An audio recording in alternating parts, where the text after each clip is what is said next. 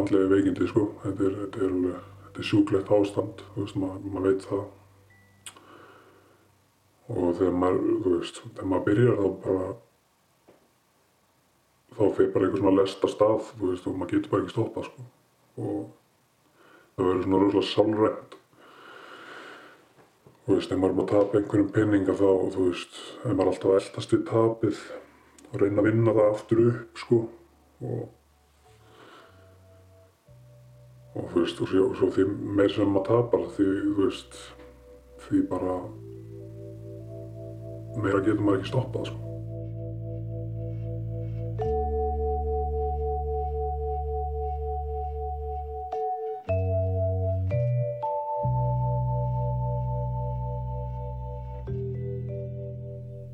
Komið í sælir, hlustendur góðir, í þessari útvarfstáttaröð erum við að fjalla um fjárhættuspil, peningaspil, spilakassa, spilafíkn. Sá sem hér talaði á undan mér, það er hann Siggi. Það er nafnið sem hann valdi til að segja ykkur sína sögu. Hann fór fram á að koma ekki fram undir réttu nafni og sögum smæðar þessa þjóðfélags var líka ákveðið að breyta röttin hans sigga. Hann og hans nánustu hafa ekki átt sjödagana sæla og það er óstjórnlegri fíkn hans í spilakassa sem þar spilar stóra rullu. Þetta er annar þátturinn af fjórum í umfjöllun minni um spilin og fíknina sem þau kveikja.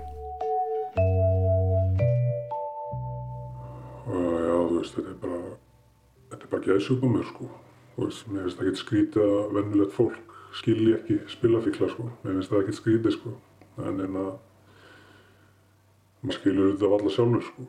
Þegar ég var eldri og fór að nota fíknirni líka, þess að ég segja, þá fór þetta að tvinnast rosalega mikið saman, þessar tvær fíknir og, og ég fór að svona, einhvern veginn gata ekki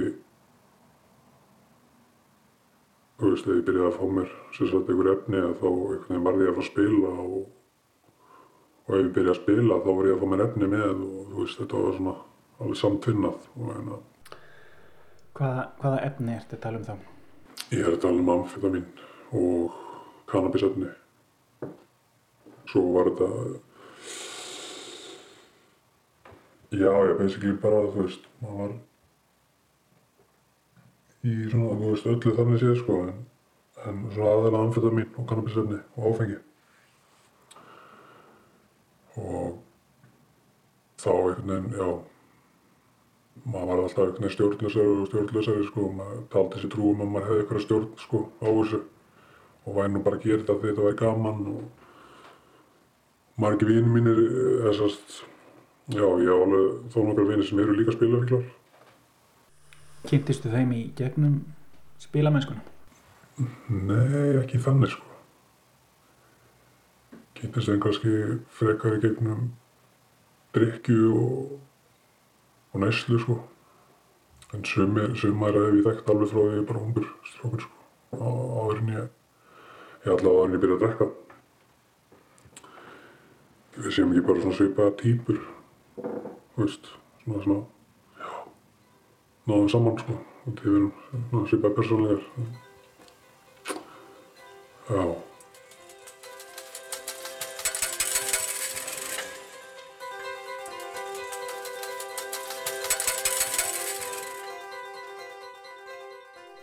Alltaf sé ekki kannski það að mér rennir svona blóðu til skildunar ég, þegar, ég á búin að vera þarna hjá háskólanum í, í dálten tíma þá áttaði ég mig betur og betur á því að að háskólinn var mikið ekstra ræðili að spila kvössum á Íslandi.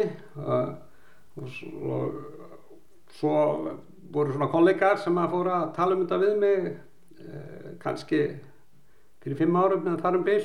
Og þá hérna fór ég að skoða þetta nákvæmlega og sá bara að háskólinn er með 60% af spilakassamarkaðinum á Íslandi og, og það eru sko það eru sko 12 miljardar sem að hérna, Íslandingar setja í spilakassa og þar að fara sko einir átta held ég í kassa Háskóla Íslands árlega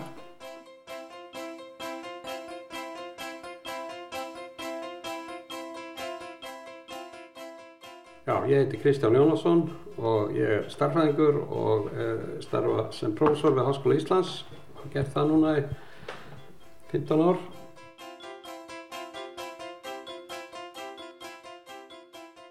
Þér rannur blóðu til skildunar því að þú ert starfsmæður í háskólanum þú ert vantilega ekki hlindur þessum rekstri á spilakursum.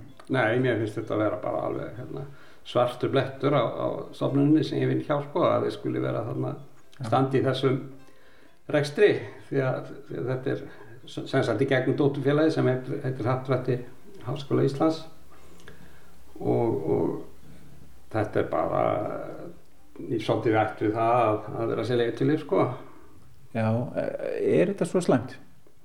Já, þetta, þetta er mjög slæmt því að hérna það eru það eru erfitt að segja nákvæmlega hvað margir en það eru, það eru áraðilega nokkur hundru manns sem að eru á hverjum tíma svo alvarlega sko háðir þessum, þessum spilakossum að þeir hérna e, e, eru að skemma lífsitt og fjölskyldu sinnar verulega með þessari fíl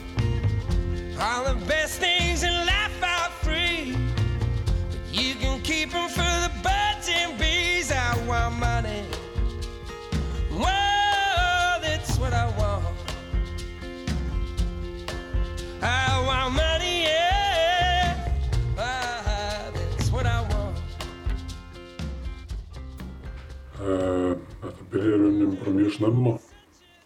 Þú veist, ég er já, ég er mjög ungur þegar ég byrja að svona átta mig á því að svona þetta er að gera eitthvað eitthvað sérstatt fyrir mig sko í rauninni. Það er svona, ég veit ekki ég, ég er svona verið spennu fíkil doldið kannski tengist eitthvað, ég veit ekki ég var alltaf mjög ungur byrjaður að laumast í spilakassana í sjoppunum. Og hérna fannst þetta mjög spennandi. Og svona leita á þetta sem einhverja leið til þess að eignast jafnvel pening. Og voru ekkert alltaf miklu peningar til svona á heimilinu og já þetta hafði eitthvað rúslegt aðdráttarafl fyrir mig og hérna og þótt þetta væri bannað innan 16 ára þá, þá, þú veist, liti mig ekki segjast, sko.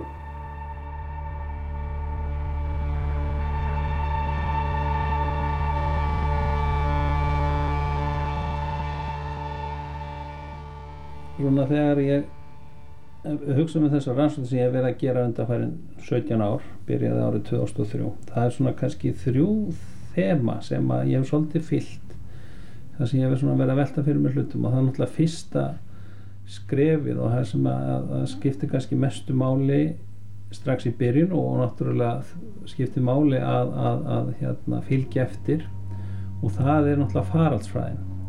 Og þá erum við náttúrulega að velta fyrir okkur því hvað, hvað hversu almenn er peningaspilin á Íslandi? Sagt, hvað eru margir að spila peningaspil? Hvaða peningaspil eru þeir að spila? Á hvaða aldri er fólk sem er að spila peningaspil? Uh, hvað eru vinsastu spilin og svo framvegis? Ég heiti Daniel Þór Ólusson og er prófessor í sálfræði við Sálfræðidelt Háskóla Íslands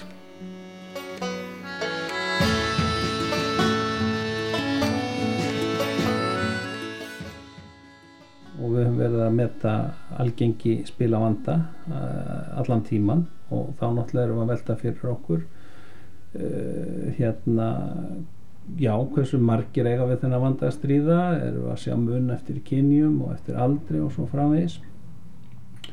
Og þetta hefur verið svona sentralt og mjög mikilvægt að við vítum stöðuna og, og getum svona séð hvort að það verði breytingar. Við höfum verið að gera þessa rannsókn núna tiltölulega reglubundið í þessu 17 ár. Síðan náttúrulega hefur kannski svona tvær spurningar sem að, sprutu upp hjá mér mjög fljótlega. Og það var náttúrulega í fyrsta lægi skiptir máli hvað þú spilar þegar við erum að tala um ánitju erum við að sjá það að þáttaka í tilteknum tegundum peningaspila gerir fólk útsettara fyrir því að ánetjast peningaspilum heldur en uh, þáttaka í öðrum peningaspilum. Þannig að þetta er fyrsta spurningin. Önnur spurningin líka sem náttúrulega verður til vegna þess að maður er náttúrulega að lesa rannsóknir annara og, og rannsóknir í öðru löndum er skiptir máli líka hver spilar. Það er að segja, sjáum við það að það er einhver tilteknir persónulegir einleikar eða staðafólks sem gerir fólk útsettara fyrir því að, að lenda í vanda. Þannig að þetta hafi verið þessar megin spurningar sem ég hef verið að fylgja eftir og svo náttúrulega hafa orðið til uh, fleiri og öðruvísi rannsóknir í tengslu við þetta. En þetta hefur verið uh, megin þemun hjá mér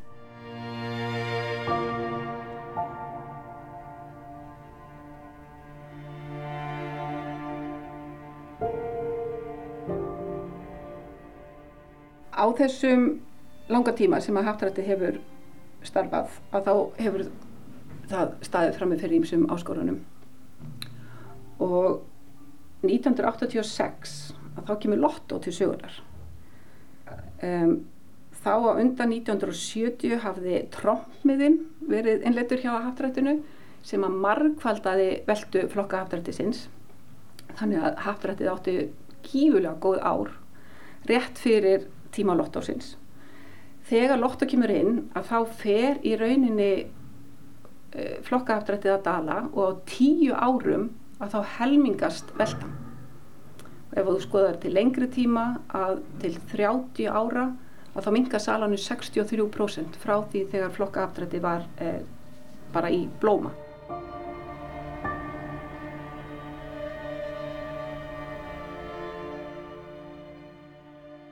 Ég heiti Bryndís Rafgjöldsdóttir og er fórstjóri Haftarætti Háskóla Íslands.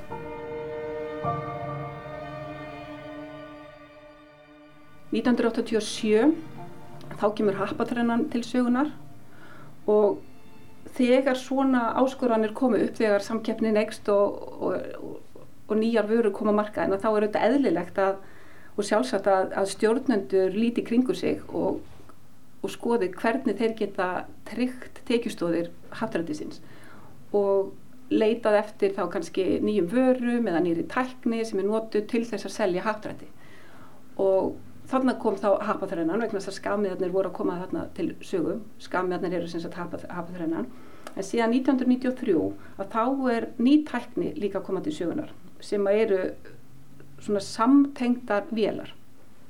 Video Lottery Terminals eða VLTs eins og, eins og þetta kallast og þær eru þarna að reyða sér til rúms. Þa, Það eru spilakassanir Það eru spilakassanir sem við köllum og, og þekkjum í dag. Og þær eru þarna að reyða sér til rúms á þessu tíma í kringum 1992-1993 Já, þá, þá komu hérna fyrstu vélarnir til, til landsins og það voru þá með þessum samtengdu pottum eða samtengdu, samtengda vélar sem er þá með þessum þekta gullpotti. Gullpotturinn er þá samtengtur pottur sem að þú, eh, te, þú tekur þátt í spili og, uh, og þú, þú í rauninni hver skipti sem að þú tekur þátt í spili í gullnámu vél að þá fer hluti af því framlægi í svo kallan gullpott. Og á svona cirka tveggja bara eins til 14 daga fresti að þá fellur þessi gullpottur og sapnast upp og getur orðið hæstur 17 miljónir cirka en byrjar alltaf í einni, um einni, einni miljón það er það sem við kallum gullpott. Og hann fellur þá í skaut einhver sem hann setur og, og, og setur pening í uh, spilakassa? Já, já, já.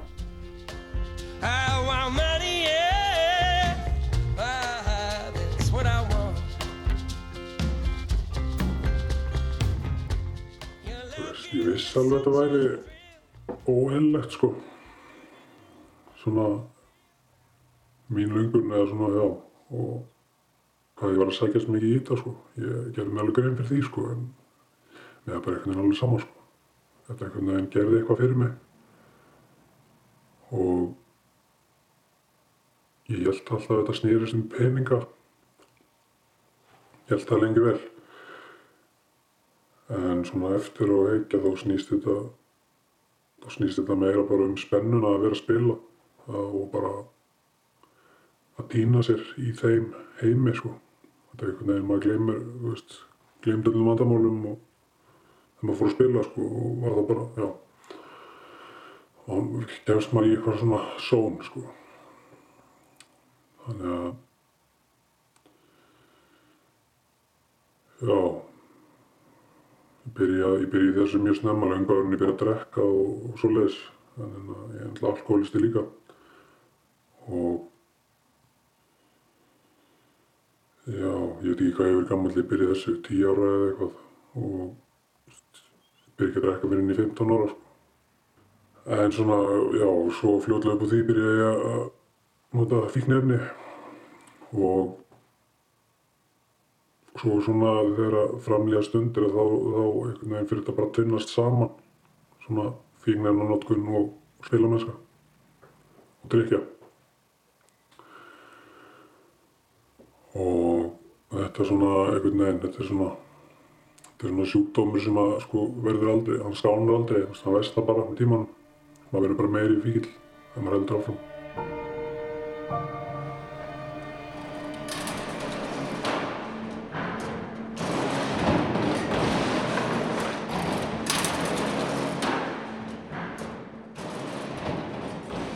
Hérna rekum við e, járnafarsmið, við erum að klippa og beigja kampstál og ég framt að e, setja saman bita og súlur eftir óskum verktaka. Hérna erum við með tvær öflugar vélarsamstæður sem vinna bæði úr beinu járni og járni úr rúlum og e, þetta er svona, já, fyrsta vers með sinnar tegundar í þessum hérna starðaflokki. Ég heiti Árni B. Haldursson og ég er framkvæmstjóri Kampstáls. Og hérna, erlendis er það nú þannig að það kemur alltaf allt tilbúið á versta. Það er ekki klift og byggt á versta og ástæðan fyrir því er einfallega það miklu hagkvamara.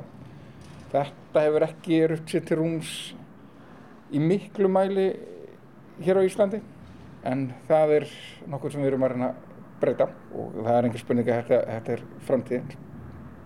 Þú varst svo lítið í fjölmiðlum vegna ummæla þinna varðandi lokun spilakassa. Já, þetta var svolítið merkilegt að upplifa þetta. Við erum með starfsmann hjá okkur sem eiga við spilafíknað etja og uh, þeir eru mikið að byggja um fyrirfram og maður veit af þessu vandamáli hjá þeim og hérna, svo gerðist það núna í, í mars. Að ég tók eftir því að þeir voru búin að stórminga það að byggja um fyrirfram. Og ég var mjög hissa á þessu því að starfsmenn sem voru búin að vera hjá mig lengi og þetta var algjört stílbrot hjá þeim að, að, hérna, að, að byggja um fyrirfram nánast á hverjum degi þángar til allt innu uppgötta að þetta varu spilukassanir og ég bar þetta upp á að rætti þetta við á og það kom, það passaði, þetta var ástæðan fyrir því að þeir voru ekki peningaþurfi. Og ekki nóg með það heldur sér marguleg greinilegan munaða því að eins og maður getur auð, auðveldlega ímynda sér þá hefur þetta nú mikil áhrif á sála lífið hjá, hjá munum að þurfa að vakna okkur með einsta deg og hafa tapað öllu sem er áttu daginn áður og þeir miklu, miklu glæðilegri og, og, og, og hressari og hérna, líður auglustlega betur. Og hérna, það var virkilega gaman núna í, í um mánuðamótin mars-april og í talningunum á síðustu mánuðamót að, að borga þeim út. Það hafði aldrei þeir hafa aldrei fengið af mikið og brósti allan hringin hérna, þetta, ég er mjög ánaði með þessa, þessa, þessa lókun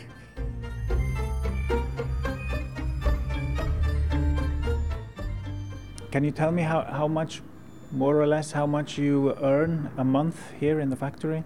Uh, like half million maybe, around. And how much do you spend in the slot machines? Around 300, 350,000 Per month? per month. And how long does it take for you to spend that money? Very little. One, two, three, maximum four days maybe. So for the rest of the month, you only have money for food. Yeah, it's like I'm like very poor guy. Like, but but I do like this, and I But they give you money advance for next month and so on. yes yes, and it's like circle, going going going.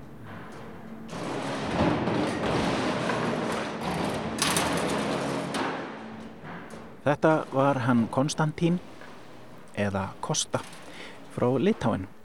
Hann ánetjaðist spilakussum á unga aldri í heimalandi sínu í Litáin. Hann sagðist eigða megninu af þeim 500.000 sem hann þjennar í járnabindingaversmiðinni í útjæðri Hafnæfjörðar á mánuði hverjum í spilakassana. Það tekur Kosta ekki nema 2-3 daga að eigða 350.000 krónum, segir hann. Oft væri hann líka fyrirfram greitt laun hjá atvinnureikanda sínum og eh, fer að elda tapið í kossunum eins og sagt er. Þetta er vítarhingur sem erfitt er að losna úr, segir Kosta. Hann segir mér líka að hann stundi það að blokkera sjálfan sig, eins og það er kallað. Blokkera sig frá spilunum þegar hann skreppur í heimsók til Litáin. Þar segist hann geta farið á vefsíðu þar sem hann getur sett hömlur á eigin spilamennsku. Þetta er kerfi sem verið er að spá í að setja upp hér á Íslandi þó ekki verið það í bráð ef marka má orð dómsmálar á þeirra. Meirum það síðar í þessari þáttaröð. Hann Kosta staðfesti einnig það sem yfirmaður hans tjáð okkur fyrir þættunum að lokun spilakassana í kófinu hafi verið af hinnu góða. Hann hefði eðli málsins samkvæmt haft meira fjömiðli handana þar sem hann komst ekki í spilakassana en það sem mestu máli skipti var að andleg líðan var miklu, miklu betri. Við árni hjá Kampstáli rættum þetta frekar. Það er spurning hva, hversu lengi hún standi yfir og, og, og hvaða áhrif það muni hafa. Já, það er svona, það er náttúrulega nokkuð ljóst einsinn að eh, þeir muni opna aftur fljótlega og það er sorglegt og hérna eins og þessir þau, þau rauka að geta verið notuð að það breytingu að loka spilautan, þegar mann fari bara yfir á neti og spili þar. En það var allavega ekki við um þessa tvo og ég get svona mikið fullirt um, um, um alla. En þannig að hluti af þessu virðist nú vera eitthvað svona eitthvað félagskapur eða eitthvað umgjörðarna sem er að sæ- sækjast í. Og hérna það er sorglegt til þess að hugsa að stór hluti af þeim sem eru inn í þessum spilakossum er örgulega fólk sem síst mætti við því. Og hérna ég sé ekki neinn rauk fyrir því ekki neinn gildur rauk fyrir því að hafa þessa spila þessi spilavíti í gangi í því formi sem er að minnst okkur þyrfti að setja okkur herta reglur um þá. Til dæmis eh, er hérna í Litáin er það þannig að þar eru dýraverðir á þessum svæðum á þessum spilavítum og til þess að komast þar inn þarf þetta sína skilriki þú getur skráð inn á ofnbæra síðu þar sem þú eru að banna sjálfum þér að fara inn. Og það tekur tvær vikur að afskrá sig af síðuna. Þannig að þegar hann eða þeir eru til dæmis í fríi í Litáin og dettur til hugar einhverja góða kvöldstund að skella sér á spilavíti þá fá þeir ekki yngvöng og vakna glaðari daginn eftir fyrir vikið. E eitthvað svona kerfi myndi nú strax hjálpa, hjálpa til. En hérna en svo að það er minnst fyrir mín skoðun að ég sé enga ástæð fyrir því yfir höfuð að þetta sé í rekstri.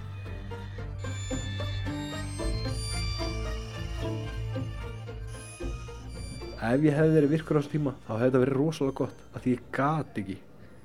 En hins vegar þá er möguleiki að þetta hefði þróast út í það að ég hefði farið í online gambling. Og online gambling er finnst mér mjög mikil endastöð fyrir suma því að þarna ertu farin að einangraði svo rosalega mikið. Og bara heima þér með símaðin eða töluna og getur hangið þar heilu dagana bara á þess að gera nokkuð annað skilur. Fer ekki styrtu fyrir að búin að klára peningin skilur. Maður hefur heyrt þetta, þessa sögu sko. Þannig að hérna já, fyrir fólk sem er kannski ekki með láströst eftir svona lífstíl er ekki með kredkort og getur ekki spila online þá held ég að það hefur verið ákveðin lausna þess að það hefur verið lokað, auðvitað. Og getur ekki spilað þá þá getur ekki spilað, það er bara þannig Hér talar spilafíkil sem kýs að nota dullnefnið trösti. Hefur hér talað um spilakortin sem eru hugsuð sem svona auðkenni þannig að, að maður geti sjálfur setta eitthvað þak á, á spila þú fyrir bara að hlæja Já, sko, þú veist, ég ég hef spilað á mörgum stöðum hérna í bænum og, og ég hef sagt við staðar eigundur bara, erðu, ok, nú er ég að fara að spila um, ekki leiða mér að taka út meirinn 30 í kvöld. Ekki leiða mér að taka út meirinn 50, ekki leiða mér að taka út meirinn 100 það er engin betri í kæftinum heldur en virku spilafíkil sem ætla sér að spila. Hann finnur leið til þess að spila alveg sama hvort þú set með kort eða ekki. Það er bara þannig sko. Að hérna, þú veist, ég hef alltaf komist yfir þetta takmar sem ég sett sjálfur mér. Alltaf. Og þú veist, jafnveil bara tekið með mér út ykkur að fjárhæð kannski 50 skall alltaf að spila fyrir hana. Ég spila ekkert fyrir það ég spila fyrir það sem ég get spila fyrir. Ef ég skildi 100 skall eftir heima í reyðu fyrir þá er ég einhvern veginn búinn að fá það lánað ykkur starf annar staðar og, og fer ég að byrja daginn eftir og næði það reyðu fyrir og eigi því líka skilur við þannig að spilakorti, jú eins og ég segi, mér finnst frábært að sé verið að reyna að finna ykkur lausn á að reyna ykkur neginn að fá fólk til þess að hætta að spila. En virku spilafíkil með einn beittan brotavila sem ætla sér að spila það er ekkert að fara að stoppa ekki neitt sko. það er bara þannig ekki nema gera út af við spil skilur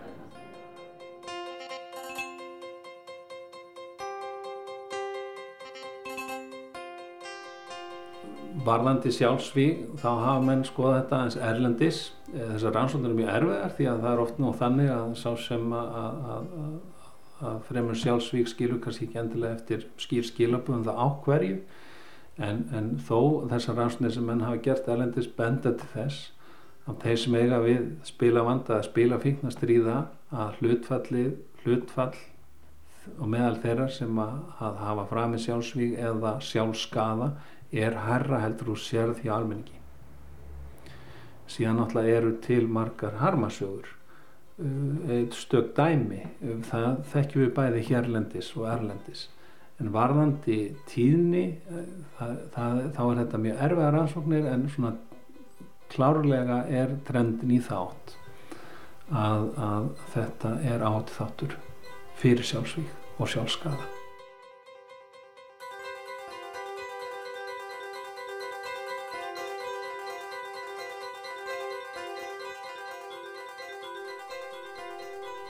Það verða ekki allir fíklar sem spila peningaspill. Lánt frá því. Heyrum kannski af spilamennsku sem ekki hefur valdið skafa.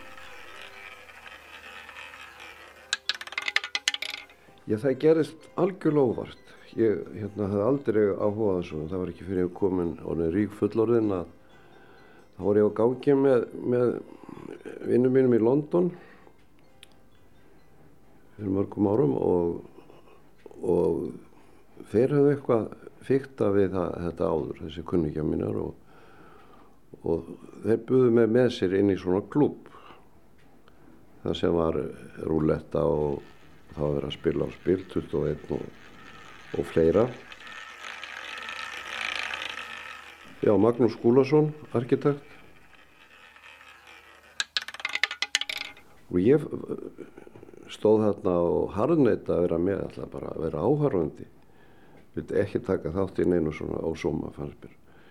Jæja, svo á endanum þá hendi ég ykkur um svo peningi á, á árúvettuna og vann ykkur nokkur hundur pund mér algjörlega ofurum og fór, fórum nú með þetta heim og heim á hótel og og þá félst ég nú að skreppa daginn eftir. Þannig að þá var ég, þá var ég, þá var ég búin að fá bakteríuna sko, það þurfti ekki meira. Og gott og vel svo fór ég nú heim með þessi, þessi pundminn í vasanum og að vestla þetta var einhvern tíma að vera fyrir jól og, og ég byrjaði bara að kaupa veglega jólagjafur ég hafði aldrei gefið tengdamömmur fína jólagjöf og, og þá. Og semst átti nógan, nógan pening þó þetta væri ekki nema nokkur hundur pund sko. Þetta var svona þægileg tilfinning að vera með nokkur 50, nokkra 50 punda segla hérna í bróstaðsánum og geta rifið þá svona upp. Þetta þetta var, var byrjunin. Þannig að var svona bakterían komin. Nú svo eftir þetta atvökk þá náttúrulega eh, gerðist svona ymmislegt og, og miklu meiri spilamennska en þarna en ég nefndi aldrei að fara í þessa spilakassa eh, það hafi það hafi einhvern veginn aldrei áhuga fyrir og þá má segja kringum þessi spilavíti eru er svona ákveðin kultúr, við getum kallað það. Ég var meðlumir í nokkrum svona klúpum í, í London og, ég maður sérstaklega eftir einu þar sem var mjög fínt eldhús byggt á, á, á líbanenskri matargerð. Sem sagt að þarna var maður með um, um, um tíma svona ákveðina bakterju.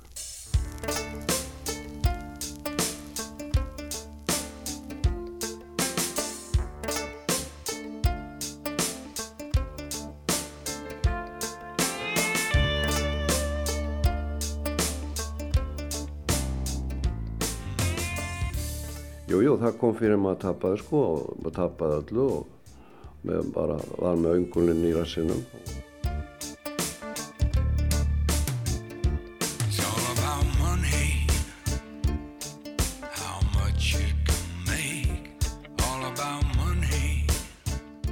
Það var ekkert svo oft, þannig að þegar, þegar uppið staði að þá, þá er ansið hrettur mér sig nokkuð bara góðan plús.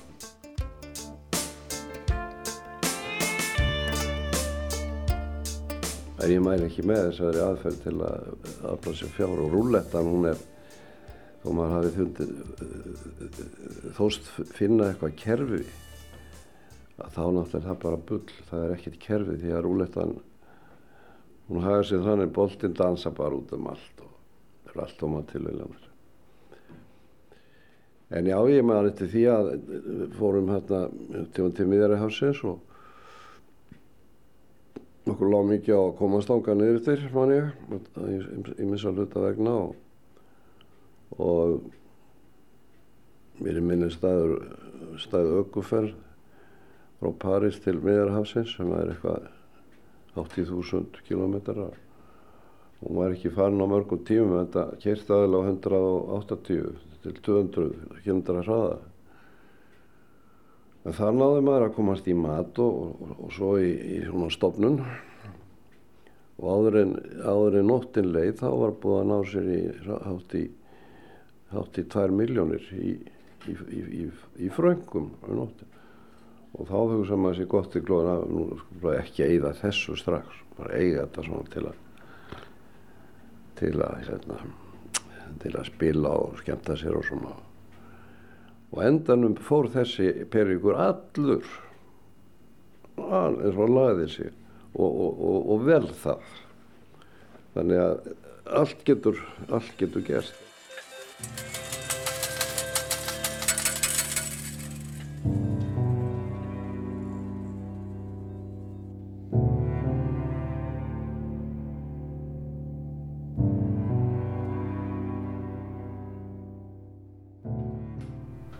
Hvenar áttarið á því að þú værir háður spílunum? Bara úlings aldrei sko. Kanski 15 ára eða eitthvað þá svona fyrir að hugsa að þetta sé nú ekki eðlilegt einhvern veginn. Og ég hafi nú einhvern veginn hafi ekkert mikið um að segja sko hvort ég sé að fara að spila eða ekki sko. Ég svona átt með mér á því en einhvern veginn afnýttunum var samt sterk sko og ég einhvern veginn bara var ekkert að velta mér upp úr því. Fannst þetta bara í fín lagi sko. Þó þegar ég vissi náttúrulega einstinni að þetta væri ekki lagi sko. en afnöytunin er sterk sko, í, í sterku þáttur í, í svona fíknisjútum. Já. Hvernig útvegaður peninga á þessum árum, unglingsárunum? Já, maður bara fekk einhverja peninga, náttúrulega vasapeninga. Ég fann að vinna alveg bara 15 ára sko. Og þú veist, fá lána hér og þar og maður náttúrulega bara mjög óheðlur, það fylgir þessu mikill óheðlegi. Maður er einhvern veginn um, veit ekki, þetta, maður hefur svona rosalega brengla viðþort til peninga einhvern veginn, allavega ég og margir spilafíklar einhvern veginn, maður hefur ekki þetta sama svona þessa sömu skinnjun fyrir peningum og venn eðlilegt fólk. Þannig finnst peningar er bara einhvern veginn þeir koma og fara og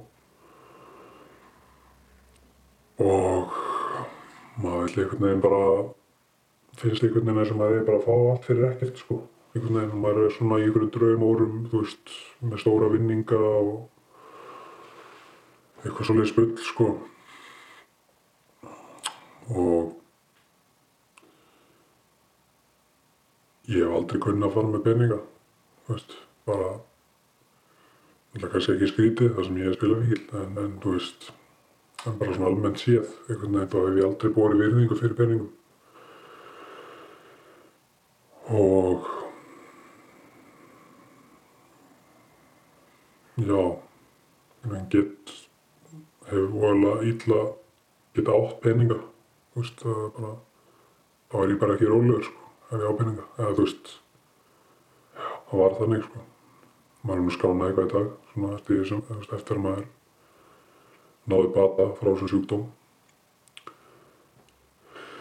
En maður, já, maður er bara svo sem stálpeningum og fekk lánaða peninga og bara ímislegt sko.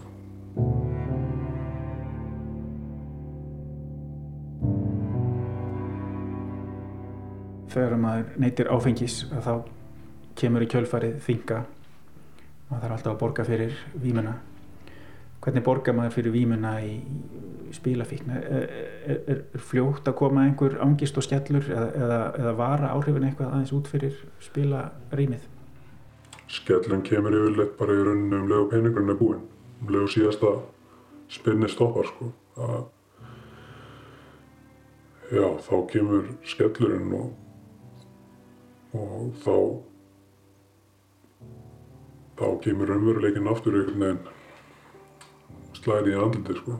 Það er uh, þú veist maður er alveg lendið í því að tapa þú veist fá útborgað fyrsta mánuðarins og tapa því öllu jafnvel á sama dag. Og það er alveg hræðileg tilfinning sem maður fylgir því. Þegar maður lappar út af staðnum og er búinn að tapa öllu og maður er bara dofinn einhvern veginn og maður skilur ekkert í sjálfur sér af hverju, hvernig maður getur verið svona vittlust að gera þetta? Og þú veist það er bara bara mín vestu moment hafa verið þannig. Þegar ég er lapp út að spilast að búin að tapa öllu. Bara dofinn og mér langar, mér langar bara að deyja sko, þú veist. Og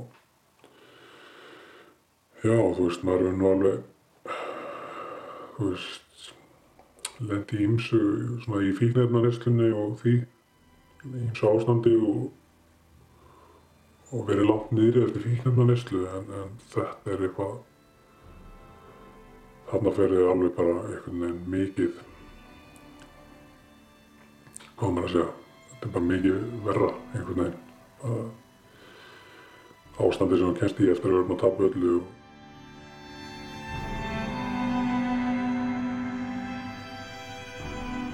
Það er komið að lokum þessa þáttar. Þetta er annar af fjórum. Við eigum eftir að heyra frá fleira fólki sem starfar í þessum geira í næstu tveimur þáttum, fólk sem vinnur að meðferð fíkla og fólk sem berst gegn rekstri spílakassana. Þángað til, lífið heil.